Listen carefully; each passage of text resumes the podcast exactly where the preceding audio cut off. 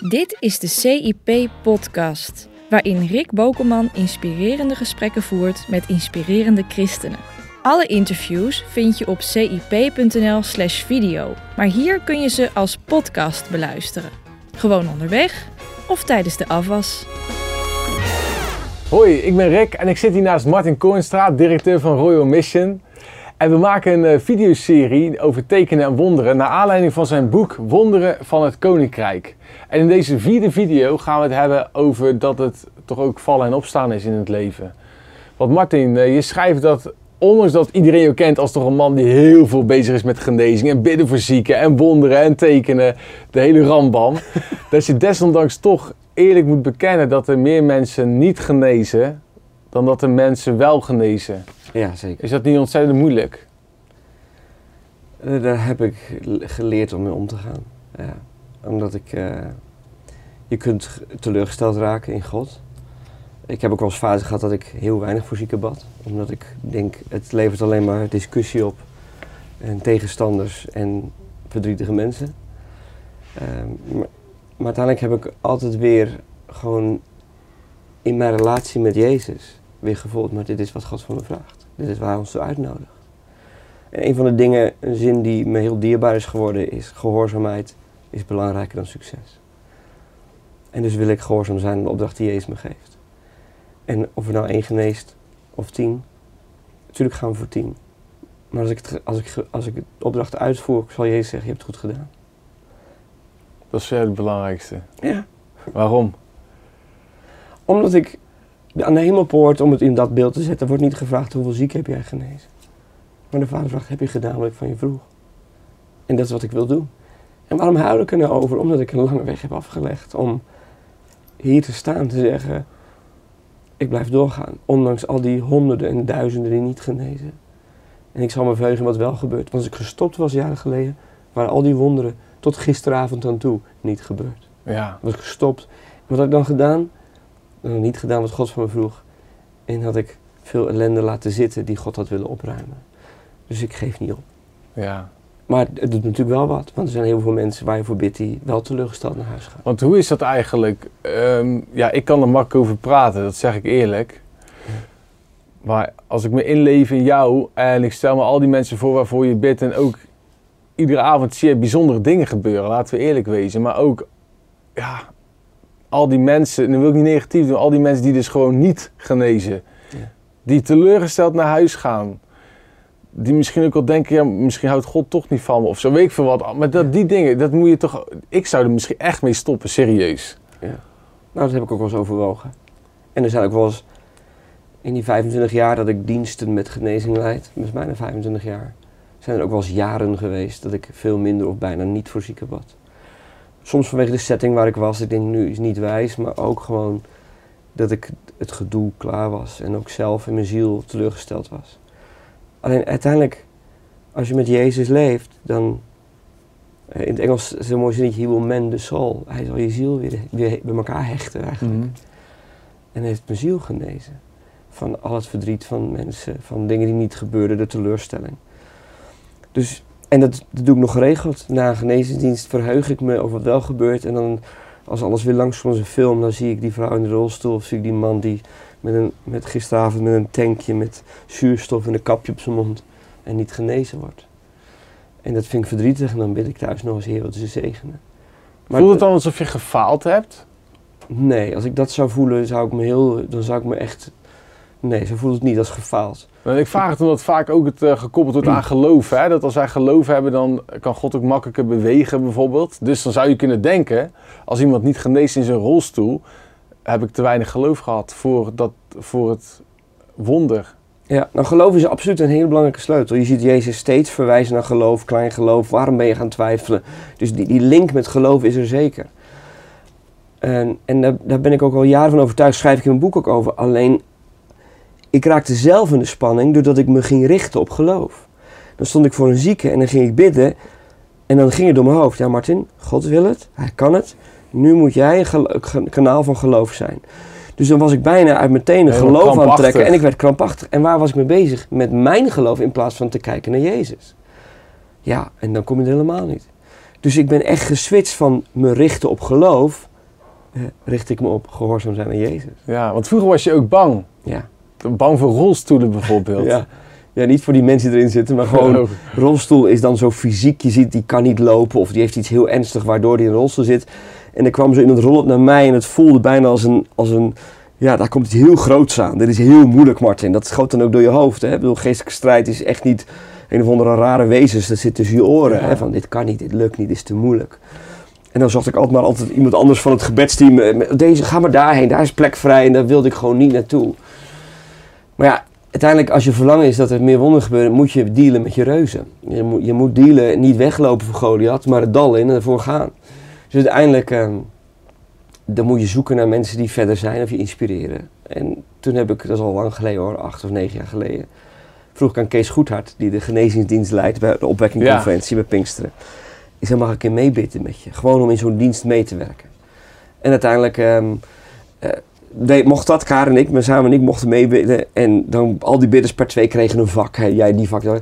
En Karen en ik kregen ook een vak. En we kregen welk vak? Het vak met alleen maar rolstoelen. Ah, 25, 28 rolstoelen. als dat je fobie is, dan word je helemaal Ja, gek. mijn rolstoelen waren echt mijn fobie. En toen, nou, ja, ik denk dat God expres deed hoor. Ik bedoel, dat Kees echt geïnspireerd door Gods geest ons daar neergezet heeft. Ik vond het niet fijn. Ik vond het vreselijk. Ik dacht echt, kan ik naar huis? Wat heb je daar geleerd dan in het rolstoelenvak? Ik denk op dat moment had ik niet door dat ik wat leerde. Maar ik denk dat God wel iets aan het doen was in mijn ziel. Dat ik niet zo bang moest zijn. Want ik heb voor al die mensen gebeden samen met elkaar. Ik vond een leidersweg. Ik had ook idee dat er niks gebeurde. Ik was ook zoiets van, heer, zo snel mogelijk klaar, weg hier. Maar doordat ik gewoon iedere keer weer moest. En iedere keer weer bewogen wilde worden over die mensen. Gebeurde iets in mijn hart. Waardoor ik mijn Wat dan? angst... De angst nam af en de liefde nam toe. Kijk, als angst je drijft, dan loop je weg. Als liefde je drijft, ren je er naartoe. En dat is wat gebeurde. Er veranderde iets in mijn hart. Oh. En, en daarmee was niet meteen volgende week was het klaar. Alleen de, de- dat was een, een puzzelstukje in dat God met mijn hart bezig was. Zodat ik niet meer bang was. En langzaam werd ik niet meer bang. En ja, een paar maanden geleden was ik in dienst. En er gebeurde een heel groot wonder met een man die van COPD werd genezen.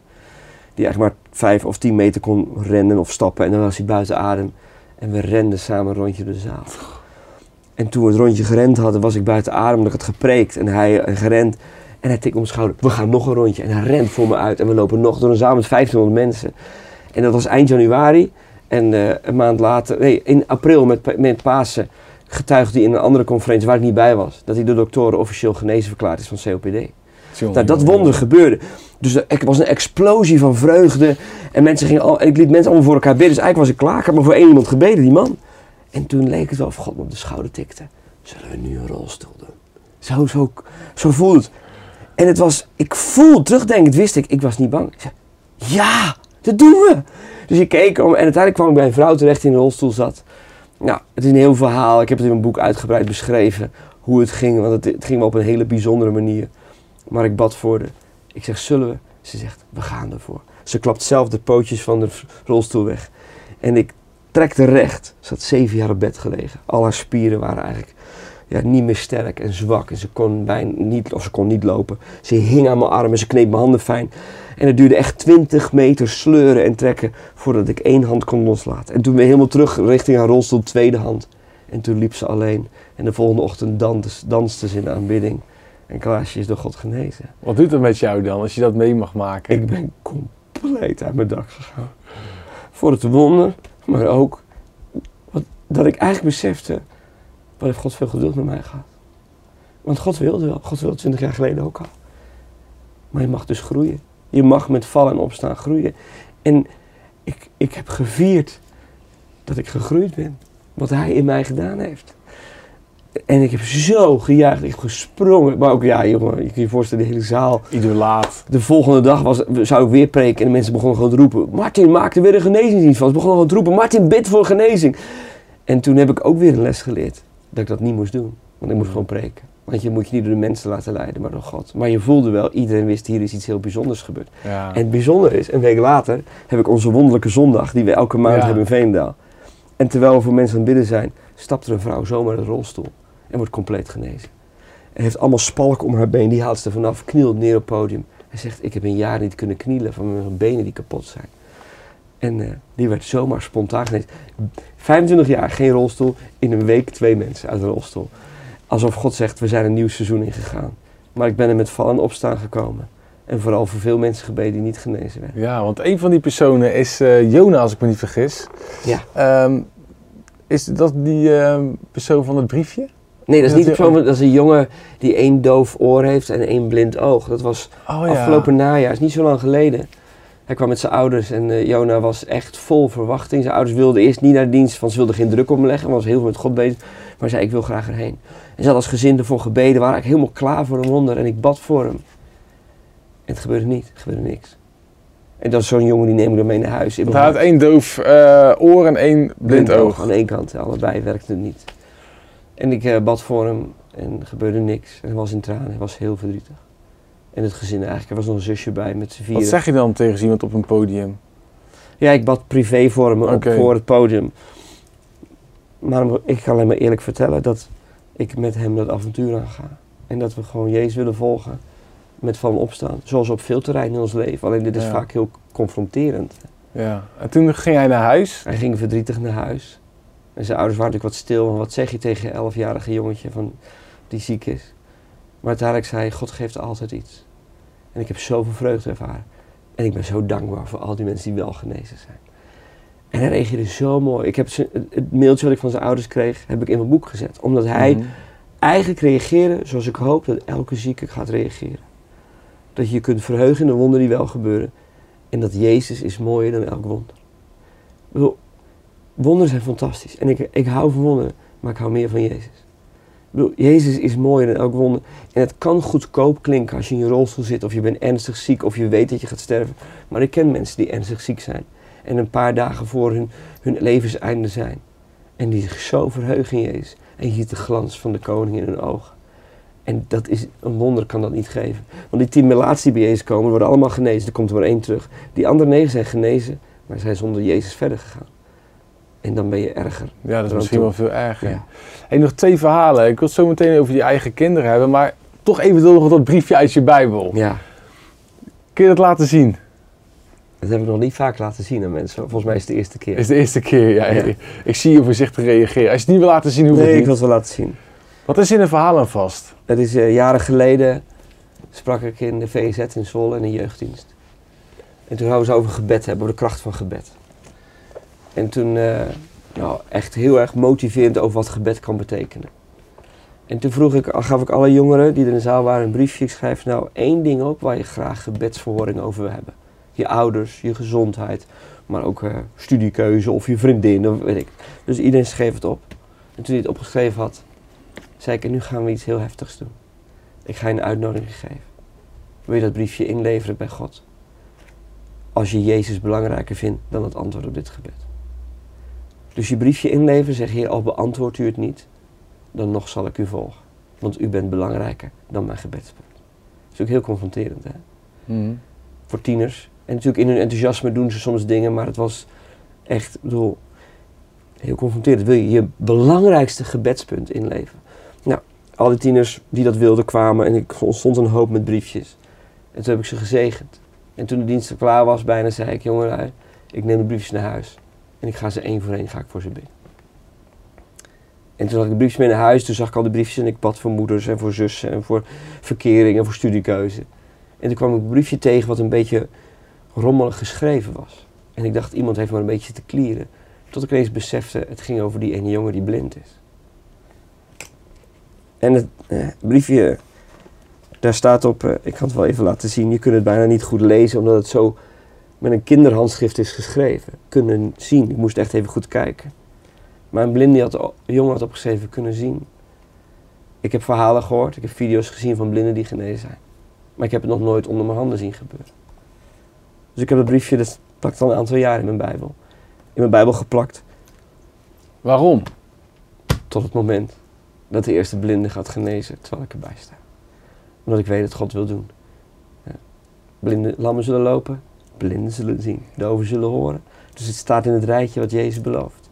Dus voor mij is dit een herinnering aan te blijven bidden en bewogen zijn over degene die niet genezen. En een uitdaging om te verwachten dat God het gaat doen. En ik ben er dichterbij dan gisteren. Het gaat gebeuren. Ja. Maar het is wel, het hoort bij mijn avontuur maar ook bij de leidersweg waar je doorheen gaat. Ik, maar ook de zieke. Ja, Want die jongen heeft zijn hart en ziel opgeschreven en heeft dat ingeleverd voor zijn relatie met Jezus. bijzonder van die jongen. Ja, heel bijzonder. En tot slot je eigen kinderen, want we hebben het in deze video over dat het eh, ja, een groot spanningsveld is. Dat je wel wonderen ziet gebeuren, maar ook zoveel wonderen niet. En dat heb je ook in je eigen gezin ervaren. Ja. Ik heb twee kinderen. Ingeborg is de oudste, is 21. Liesel is 19. Ingeborg wordt geboren met een stofwisselingsprobleem. Bij de hielprik kwam het al, dus al bij geboorte. Een waar die veel te hoog was. En nog een keer gemeten en veel te hoog. En ze had dus een stofwisselingsprobleem waarbij het advies zou komen en uitgewerkt zou worden. Ze moet heel haar leven een bepaald eh, dieet volgen, anders gaan haar hersenen gewoon kapot. Wordt ze mentaal beperkt. We hebben voor haar gebeden met een kleine groep, met een grote groep, met een vriend van me die ook heel veel wonderen heeft gezien. En we hebben voor haar gebeden en er werd een paar keer getest. En op een dag, eh, op zaterdagmorgen, kwart voor tien, werd ik gebeld door het hoofd van heel de kinderafdeling van het Gasthuisberg ziekenhuis in Leuven. Het is een van de grootste ziekenhuizen van Europa, het is gewoon een heel dorp. Hoofd van alle kinderafdelingen belt me op zaterdagmorgen om kwart voor tien. Ik weet nog wel, ik stond met de, met de, met de telefoon in mijn handen, gewoon zo'n oude met een draad. Oh ja, classic. Classic. en hij belde me en hij, hij zei, meneer, wat heeft u gedaan met uw dochter? Ik zeg, hoezo? De waarde was de eerste keer dit, de tweede keer dat, de derde keer dag heel hoog. En nu ineens is de waarde goed. Wat heeft u gedaan met uw dochter? Nou, heb ik proberen uit te leggen dat we voor haar gebeden hebben. Ik denk dat het niet van ze snapte. Maar Ingeborg is genezen als baby. Een paar dagen oud. Genezen door de kracht van God. Doktoren kunnen het bevestigen, we hebben de papieren thuis. Dat ze een ziekte had. Ernstige stofwisselingsprobleem. En genezen door God. Anderhalf jaar later wordt Lieselot geboren. Lieselot is geboren met een mentale beperking. Ze is nu 19, maar ze heeft de ontwikkeling mentaal van een zevenjarige. Ze is trouwens het leukste kind wat je maar kunt bedenken. Altijd vrolijk, vol van Jezus. We hebben heel vaak voor haar gebeden. Ik heb voor haar gebeden, vrienden hebben voor haar gebeden. We zijn met haar op reis geweest naar landen waar wonderen gebeuren. En ze heeft af en toe wel echt een stap vooruit gezet, wonderlijk. Maar in verhouding een klein stapje ten opzichte van de beperking die ze heeft. Dus waar leef ik mee in mijn gezin? Een dochter die door God genezen is. En een dochter die door God nog niet genezen is. En ik heb dus ook zelf te maken met wonderen die gebeuren en wonderen die nog niet gebeuren. En het heeft me, alhoewel het niet Gods plan is, heeft me wel rijker gemaakt. Want ik kan heel goed inleven met mensen die genezen worden Ja. en nog niet. En wat zou je dan uiteindelijk iedereen willen adviseren die hier mee worstelt? Ehm, blijven wonderen verwachten, maar zorg dat het geen kramp wordt. Want als het een kramp wordt, raak je Jezus kwijt. Mensen die verkrampen zijn zo gericht op het wonder dat ze Jezus niet meer zien. Ze zijn zo verkrampt dat als het niet gebeurt dat je bitter wordt. Maar probeer te leven met Jezus, want Hij is het belangrijkste. En in dat avontuur met Jezus durf nou te verwachten. Zelfs al is het tien keer niet gebeurd, dat de elfde keer het wonder misschien wel gebeurt. Bedoel, Elia moest zeven keer bidden voordat het weer ging regenen. Eén keer bidden gebeurt niks. Twee keer bidden gebeurt drie, vier, vijf. En de zevende keer is een heel klein wolkje. En zegt Elia, nu komt de stortbui. Hij heeft zeven keer gebeden. Dat weten we allemaal. Het staat in het geschiedenisboek. En wat staat er in Jacobus? Elia was een mens zoals wij. Hij bad een gebed dat het niet zou regenen en het regende niet. En hij bad opnieuw en het regende. Alsof hij even een gebedje Ja, deed. even, even, hup. Even hup, en hij bad opnieuw en het regende. Nee, had zeven keer moeten bidden en zes keer gebeurt er niks. Dus al die gebeden worden in Jacobus één gebed genoemd. Dus blijf nou bidden. Voor God is het één gebed. En op een dag breekt het door. Want God wil wel. Maar raak niet in een kramp. Want als je verkrampt en alleen maar dat wonder wil, zie je Jezus niet meer. Ja. Want Jezus is mooier dan elk wonder. Amen. Amen. Mooi, zou ik het zelf niet kunnen zeggen. Mooie verhalen, Martin. Bedankt voor je eerlijkheid en je openheid. Dankjewel. En bedankt voor het kijken naar deze filmpjes. Eh, of deze video, deze laatste video. We hebben er natuurlijk veel meer. Eh, kijk vooral naar de vijfde video ook. En wil je meer weten? Koop dan het boek Wonderen van het Koninkrijk. Doei! Doei. Je luisterde naar de CIP-podcast. Heb je wat gehad aan deze podcast? Laat dan een recensie achter in iTunes. Of steun CIP.nl door CIP Plus lid te worden op onze website.